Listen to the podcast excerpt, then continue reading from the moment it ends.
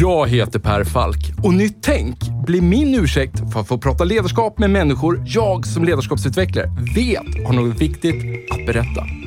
Och med tio avsnitt per säsong, varannan vecka, gräver vi därför ner oss i tekniker, principer och synsätt för att vi ska sätta fingret på vad som kännetecknar det ledarskap vi alla behöver se mer av. Och för att få de här samtalen att hända så har vi sponsorer. Först och främst min arbetsgivare Mindset, där jag och mina kollegor tar fram både små och stora ledarskapsprogram som skapar de nya beteenden som behövs för att få er strategi att hända. Allt handlar om att noga identifiera moments that matters. Samt Promote, som är den självklara digitala plattformen för dig som vill skapa effektfulla lärresor och ett mätbart resultat i verksamheten. Och om ni vill ge era nya medarbetare en riktigt bra introduktion med en välkomnande och effektfull onboarding så tycker jag ni ska kontakta superproffsiga Induction. Ni hittar såklart länkar i avsnittsbeskrivningen. Nu hoppar vi in i samtalet och kom ihåg att det här är ett sammandrag av originalversionen. Enjoy!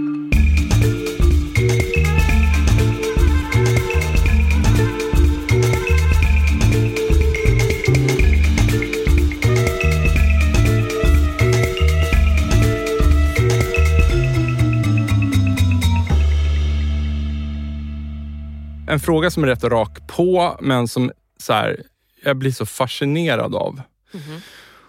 Vad är i en personlighet, eh, liksom rent generellt, som gör att man tänker så här, hmm, jag ska starta en teleoperatör. Och, och det är en fullkomligt så här, man tycker att det är en fullkomligt realistisk eh, tanke. För många skulle det liksom vara ett liksom så stort steg. Man kanske vill liksom starta eget, eh, man, vill, man är entreprenör, men just teleoperatör, det låter så liksom det låter som att säga, precis som, som vår ljudtekniker Emil här, han sa innan, att det är som att säga att man, jag ska starta en tv-kanal. det, det låter liksom så stort. Alltså, rent ärligt så handlar det mer om att jag tyckte att någon borde göra det som vi gör. Det handlar, I början så var tanken inte kanske att jag eller vi skulle göra det, utan någon borde göra detta. Och sen så, äh, kan lika gärna vara jag. Mer så. Ja. Och mer... Eh,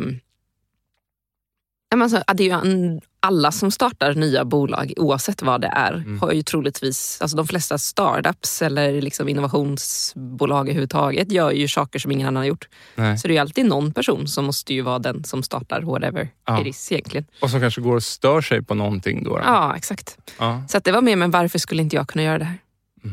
Vad var det du störde dig på?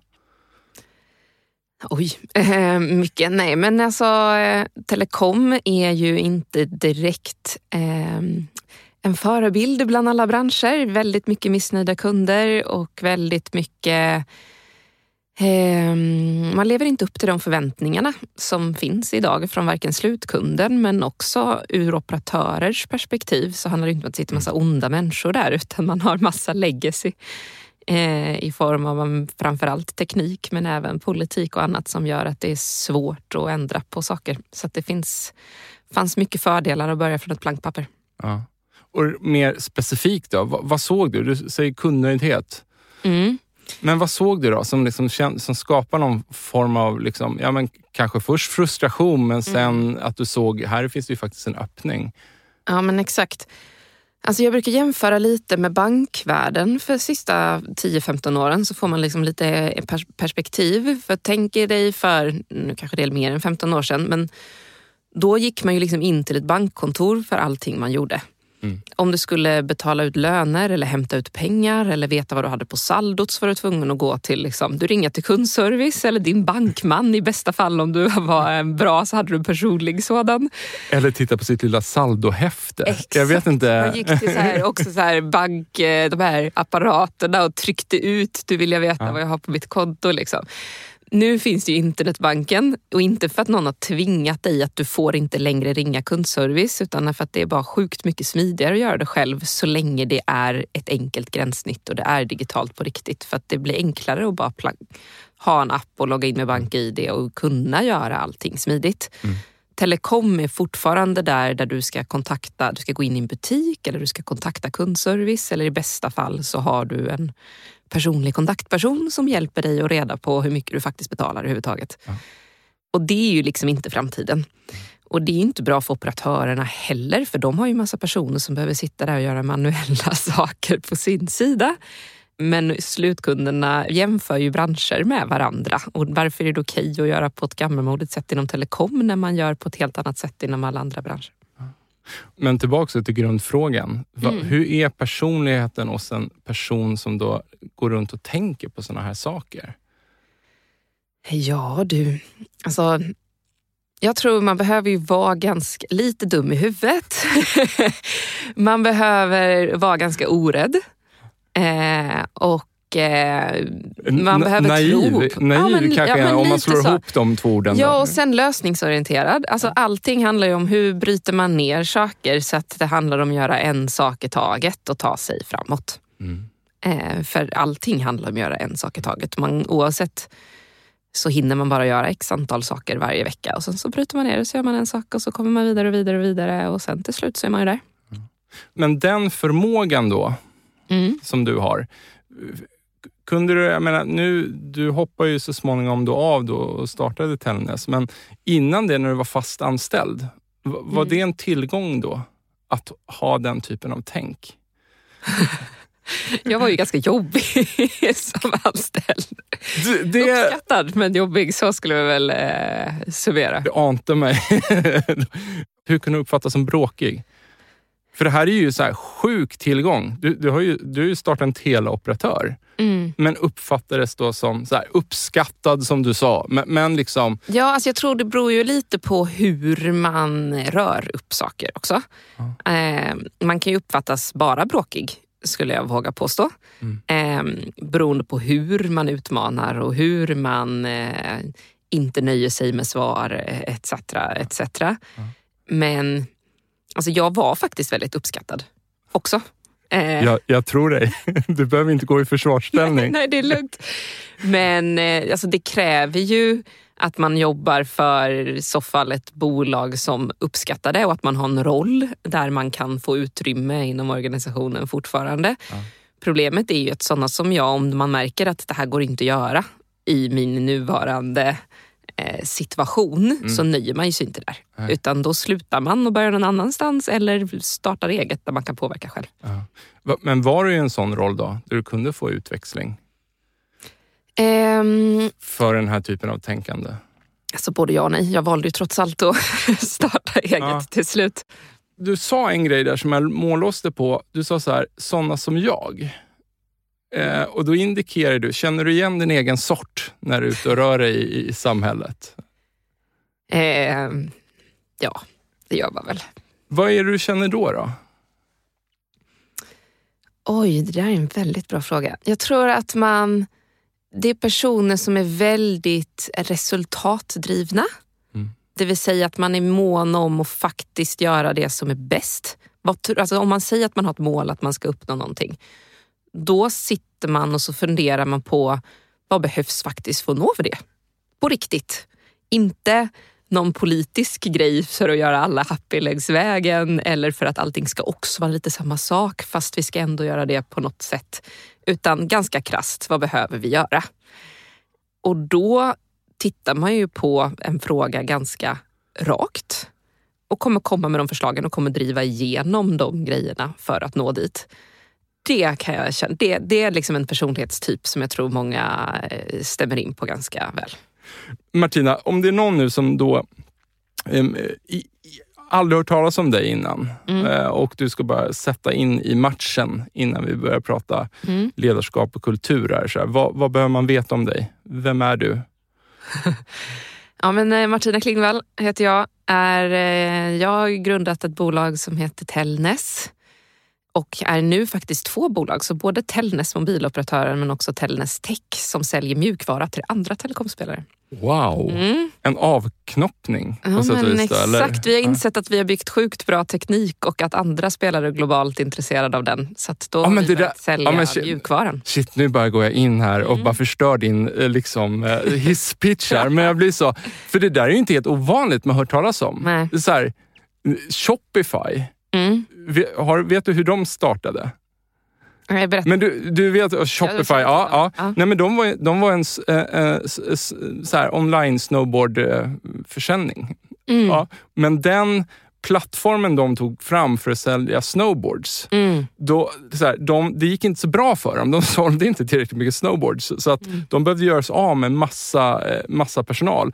Och när den här personalen då såldes upp så sa de så här, men snälla kan inte vi få bara, vi vill starta vår egen online-shop. Kan Mm. inte vi få bara ta med oss eh, den mjukvaran som vi har här på liksom. Mm. Ja. Och då bara inser man plötsligt, men vänta så här, det här är ju en produkt i sig. Mm.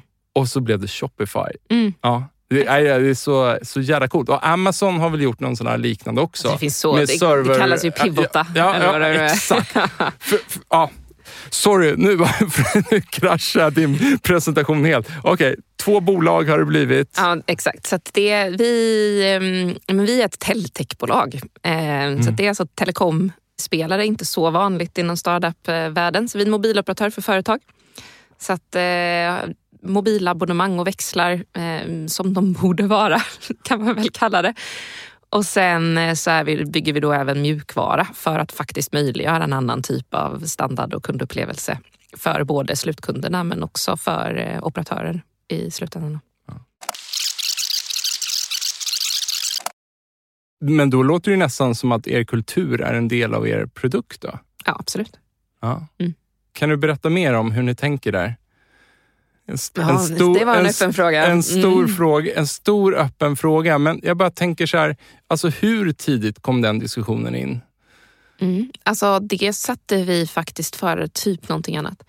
Alltså, jag, jag var ju själv första sex månaderna i form av hur ser den här affärscaset ut? Hur tusan börjar man för att börja med detta? Men sen när Jonas och Karl och även Sebastian då kom in, vi hade en fjärde medgrundare som var med i början. Mm.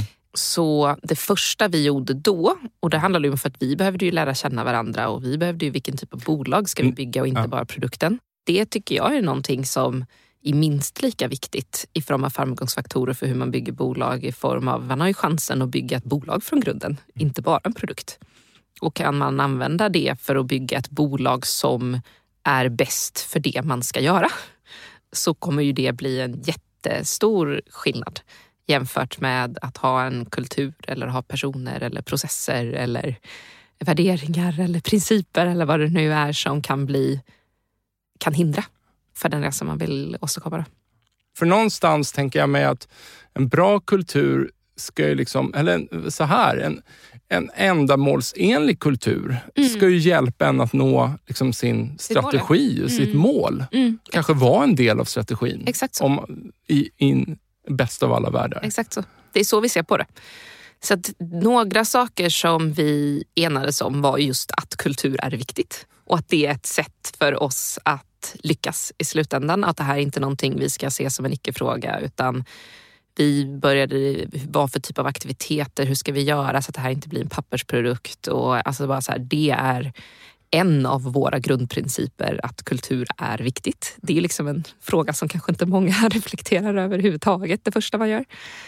Och sen så satte vi då våra värderingar på plats och också eh, ja, men ett antal principer som kanske är lite mer konkret i vardagen eh, jämfört med en, eh, alltså hur man lever, värderingar och, och liknande. Då. Jag vill ju bara betona liksom, anledningen Ja, men dels är, blir jag jättenyfiken på dig, men, men en av anledningarna till att jag bjudit in dig här är ju också att jag menar, det blir ju främst hos de små kommande bolagen som man ser de stora hoppen Mm. kring hur man liksom resonerar kring en företeelse. Mm. I just det här fallet så råkar det vara nu kring ledarskap och kultur som vi pratar om. Och Det är därför jag blir så sjukt nyfiken när du börjar prata om hur tidigt ni tog upp den här frågan. Så vad är, alltså så här, jag jag är ledsen att jag, att jag ställer så jobbiga frågor ibland, men så vad är kultur för dig då? Eller för er? Mm. Eh, men kultur för oss är att ha en gemensam förståelse av verkligheten. Vad är faktiskt vår förståelse av vad det är vi försöker göra och vart vi ska och, och liknande. Men också vad är våra drivkrafter i det? Vad är våra värderingar i det? och vad har, hur beter vi oss? Krasst. Och då kan vi bara prata, både bete oss mot varandra, mot våra kunder, vad värderar vi? Mm. För att faktiskt ha en strategi om vad som ska sitta i väggarna. Så kan man väl säga. Och, och du nämnde ju principer tidigare också. Mm. Ja, så, så om vi bara, för att discha av det, så vad är era värderingar då? Om, om vi Mm. bara börjar där. Och hur relaterar principerna till... Ja, men jag kan ta några exempel så Ja, förstår skillnaden. För att anledningen att jag pratar om båda är för att en värdering till exempel, en av våra värderingar är care. Mm. Alltså det vill säga att det är viktigt för oss att faktiskt bry sig. Och då pratar jag både bryr oss om varandra, jag pratar om att vi, måste, alltså att vi, vi bryr oss om våra kunder och vi bryr oss faktiskt om bolaget och bolagets framgång. Folk som bara vill gå till jobbet för att beta av timmar och det är helt respekt för det, för det. För att det finns väldigt många människor som är i stadier i livet där man vill det. Då trivs man inte på Tällnäs för att folk bryr sig för mycket och då kommer man känna sig udda. Ja. Eh, men däremot så tycker folk på, eh, hos oss väldigt kul att vara i ett gäng där alla andra faktiskt bryr sig om att lyckas och bryr sig om varandra. Och Bryr sig lika mycket som jag bryr mig. Ja, helt enkelt. exakt ja. så. Mm. Eh, Men en princip då till exempel är att vi har en eh, 24 timmars feedbackregel Mhm. som gör att vi måste, alltså inom 24 timmar så måste man ge feedback. Eh, och det kan både vara liksom positiv feedback om du har hållit en föreläsning eller du har gjort någonting så förvänt då vill du ju ha feedback inom 24 timmar för annars vet ju, kan ju du gå där och oroa dig på vad folk tyckte och tänkte. Ja. Eller om jag stör mig på något eller någon eller något som har sagt som jag tyckte var fel så behöver jag bestämma mig att antingen släppa det eller ge den feedbacken inom 24 timmar. Och det är ju för att feedback ger man ju först om man bryr sig om andras utveckling. Såklart. Mm. Och får ni det att funka? Jag tycker, har, har, har ni en, en levande feedbackkultur? jag tycker det. Ja. Eh, Hur, hur, Alltså det är klart man behöver jobba på den här aktivt för att det ska bli eh, levande, inte bara idag och imorgon utan även om tre månader. Och vi har ju, växer ju så det kommer ny personal hela tiden. Men jag får ju ibland samtal från personer som jag knappt pratar med för att det inte är direkt rapporterande till mig eller liknande som nästan skyller på feedbackregeln. Du, menar, du sa ju det här på stormötet och eh, Ja. det här är egentligen ingen stor grej men vi har ju den här feedback, 24 timmars feedbackregeln så att då behöver jag ju ändå nämna att jag tolkade det på det här sättet. Och, Ja. och då tycker jag ändå jag har lyckats. Ja. För det spelar ingen roll att de skyllde på den för att informationen har fortfarande nått mig som gör att personen ju faktiskt brydde sig om att det här är någonting som kunde uppfattats fel och då får jag chansen att rätta till det. Ja. Vad har du i närtid fått höra då? Att du... vad, vad, vad gör du bra? Och, och, och vad måste du göra mindre av? Mm. Ehm, gud, jag får så mycket saker hela tiden. Det är det som är så vad ska jag välja Du har här? skapat ett monster. Ja, exakt. Ja. Det är lite så. Man sitter så här, man bara vet att man kommer få massa saker hela tiden. Nej, men det som, det som jag får feedback på oftast som jag gör bra är... Eh, nej men jag gör ju massa övningar på veckobasis med hela teamet. Ja, vi har ju så här magic mornings eh, varje onsdag som jag håller 30 minuter random övningar. Vi kan gå in på det sen om du är intresserad. Gärna. Eh, så där brukar jag få mycket feedback på både övningar som var bra och givande och varför de var det så att man kan liksom utveckla det. Men också mycket, jättemycket konkret i form av att alldeles för lite tid för att hinna diskutera frågan eller det här blir konstigt utan att säga koncept så behöver jag tolka den här övningen som att vi har det här problemet i organisationen. Du förklarar nog inte bakgrunden tillräckligt bra eller om det här är något är du inte nöjda med oss eller varför säger du att vi ska prata om den här saken? Alltså, det finns väldigt mycket tolkningar i kommunikation här, vad man gör. Men det är så intressant. Det, det är väl det som är kommunikation, Ja, tänker jag mig. Ja. Ehm, men jag personligen får, får ofta feedback på... Alltså jag är ju väldigt eh, transparent. Det är så jag är och det oftast uppskattas för. Men ibland så kan det betyda att kommunikation kommer ut utanför kontext för vissa människor som gör att det, det tolkas fel. Det vill säga att man, jag har oftast inte så mycket underbyggda dolda meningar med saker men man kan börja oroa sig eller tänka att betyder det här kanske någonting ja. annat. Eh, så. Jag gillar ju att säga så här, nu, nu frågar jag dig vad, vad du måste tänka på, men mm. jag gillar ju att prata i termer av så här, när, i vilka situationer tenderar du att bli missförstådd? Mm. För att jag tycker man måste ju, liksom, skilja på, är det ett perceptionsproblem eller ett, ett riktigt problem? Mm. Uh, I det här fallet låter det som att det kanske var ett perceptionsproblem då, på sätt och vis. Mm. Det vill säga att, men det är att någonting hamnat... jag aktivt tänker på, ja, att jag måste det, fråga mig. Det är fortfarande vad... ett, ett, ett problem, ja. även om det är ett perceptionsproblem. Mm. Och, och, nörden inom mig, jag måste bara fråga dig också, så här, men, så, men vad är värdet då, då att ha den här feedbackkulturen? Alltså vad ger det Tällnäs? Bra fråga. Eh, nej men dels så ger det, alltså ingen är ju perfekt hela tiden. Alltså både när det gäller kommunikation eller beslut eller whatever. Och det ger ju mig och alla andra möjligheter att faktiskt agera på saker. Det blir inte den här frustrationen som Folk behöver inte gå varken oroa sig för vad folk tycker och tänker om en. Nej. Utan det blir ganska straight forward så. Ja. Eh, men också att man faktiskt kan agera på saker direkt innan det blir stora saker i organisationen. Och, och nästa fråga är så här, hur har ni då liksom lyckats förankra den här kulturen? Då? Alltså, hur har ni jobbat med den för att den ska bli en levande del av mm. företaget? Nej, men dels så lägger vi tid på det. Vi gör både i onboarding, att det ska vara tydligt med vad, vad är vår kultur och principer och, och liknande. Ja. Men sen så um, ja, men konkret så gör vi några saker varje vecka i, eh, i kulturdrivande syfte. Alltifrån nu kan jag bara ta de som är gemensamt för hela gruppen, det vill säga både operatören och tech, för det är uppdelat nu i, eh, i två bolag givet att det är två olika kunder och målgrupper och, ja. och liknande. Men vi har ja, men det här Magic Morning som vi pratar om på onsdagar till exempel, är en sån grej varje vecka. Mm. Som kan vara allt ifrån Ehm, vi jobbar med eh, mycket kommunikationsövningar. Ehm, vi har haft någon gång när vi pratat om kommunikation i Slack och jag listade ett antal vanliga meddelanden, typ hade varit bra om du hjälper mig med det här. Aha. Vad betyder det?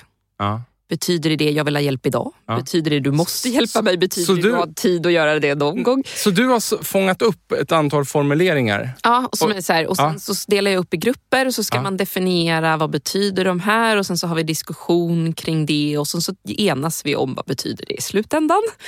Till att vi, ja, men har, vi har feedbackövningar där man ska ge varandra ja, men positivt utvecklande feedback till att vi ja, men vi hade förra veckan så tror jag att man skulle skryta om sig själv i 60 sekunder.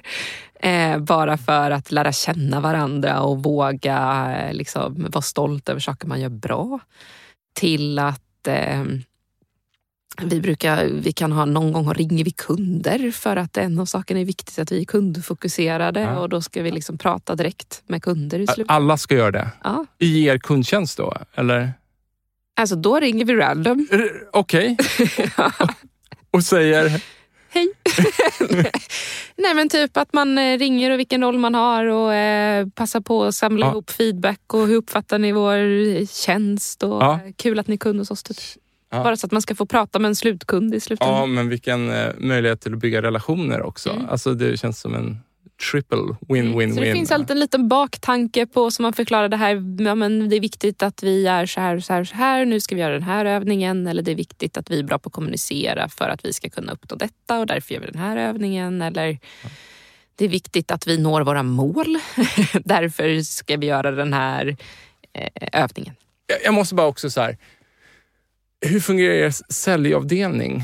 Och, och hur kommer kulturen in där? För att jag, varför jag säger det är jag bara tänker så att det är så många säljavdelningar där det som avgörs i slutändan är liksom vem som säljer bäst. Mm. Har du något spontant, spontant att säga där? Hur, hur kommer er kultur in i säljarbetet?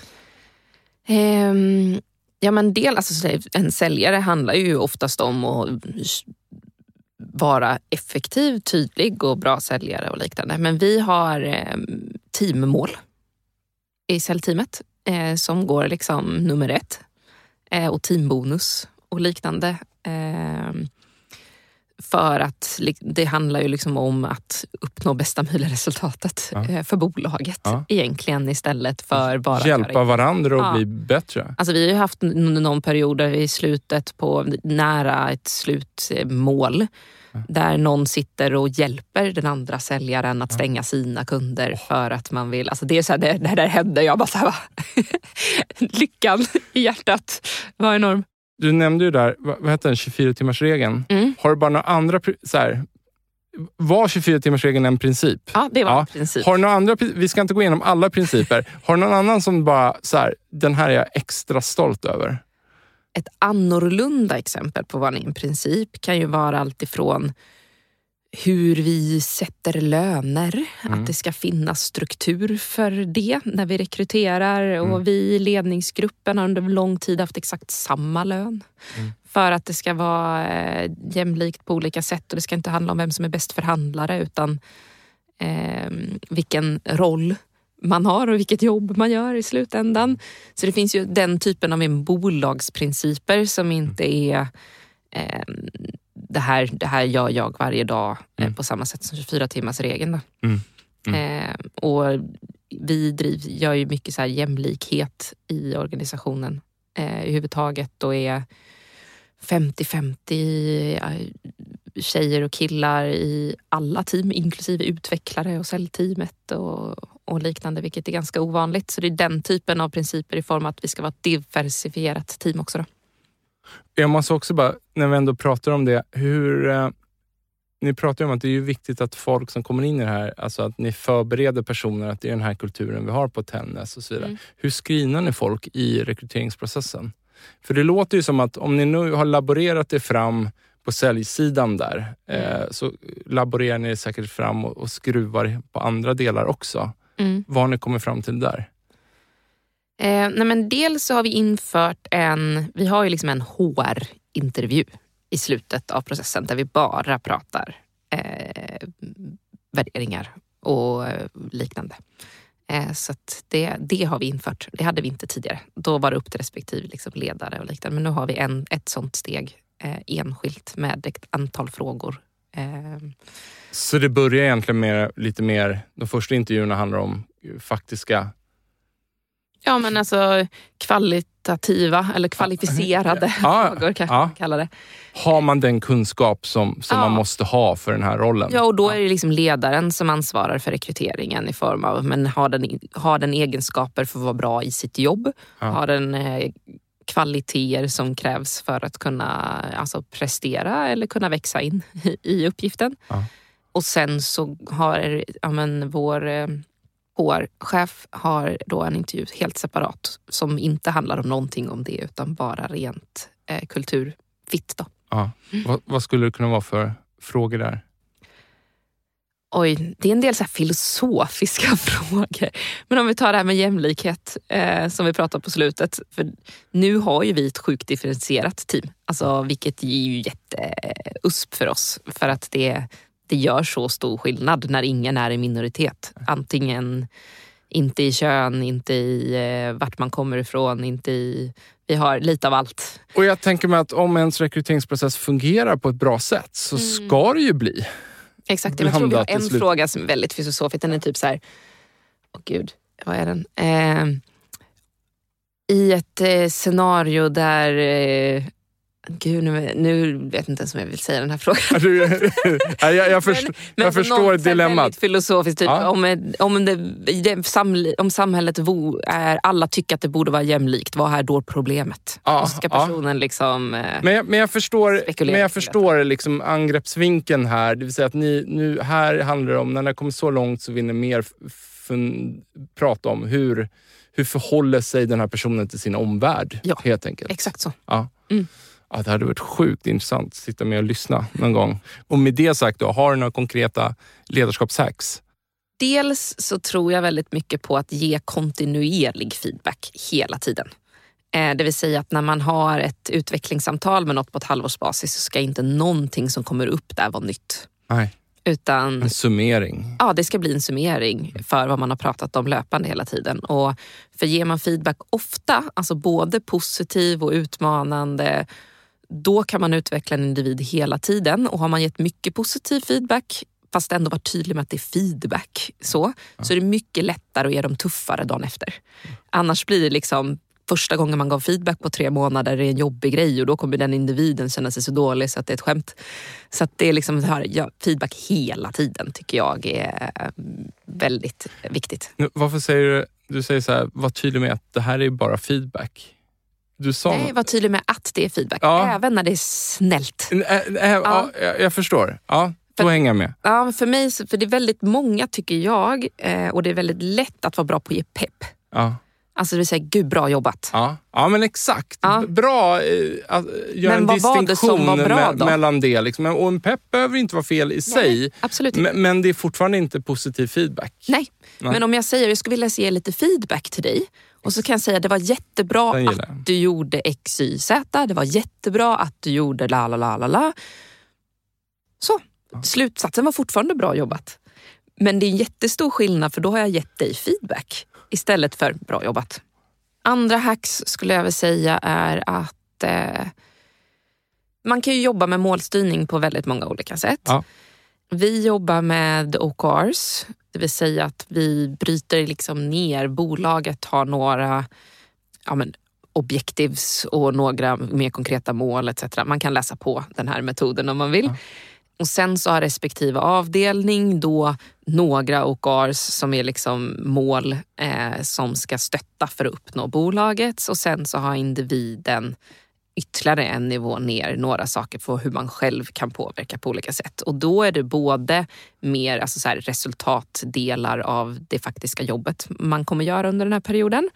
Men kanske också utvecklande personligen för att man ska kunna bidra ytterligare i sin roll. Och när de blir liksom så pass konkreta så att man verkligen så här, har du uppnått detta eller inte? Och det kan vara allt ifrån, jag menar en person i marknadsteamet behöver utveckla sin kompetens inom eh, paid marketing på Facebook. Jag vet inte. Så kan man ju faktiskt göra det konkret i form av, men klarar du av att göra de här, de här sakerna utan hjälp av någon externt? Eller sitter du support så kanske du, du ska klara av att sitta en hel vecka utan att behöva ställa någon fråga till second line eh, support eller whatever. Då blir det ju ändå tydligt i form av har man tagit ansvar för sin utveckling och det är också bra för Har bolaget. man lyckats med målet eller inte? Ja. För att man har så väl definierat exakt vad som ska... Liksom. Och det är jättesvårt. Men lyckas man med det och lägger tiden på det så är det väldigt mycket lättare att vara ledare i slutet. Klockrent. Du, stort tack för att du tog dig tid och eh, tittade förbi här i studion. Och eh, om man vill ta kontakt med dig, vad gör man då? Man kanske vill ställa någon av de här frågorna. Ja, man är varmt välkommen. Jag gjorde det till massa random folk i början. Det hjälpte mig jättemycket. Nej, men det bästa sättet är att adda mig på LinkedIn och skriva där. Tack. Tack. Hörni, tack till våra sponsorer Mindset, Promote samt Induction för att ni tror på den här produktionen. Ta hand om er.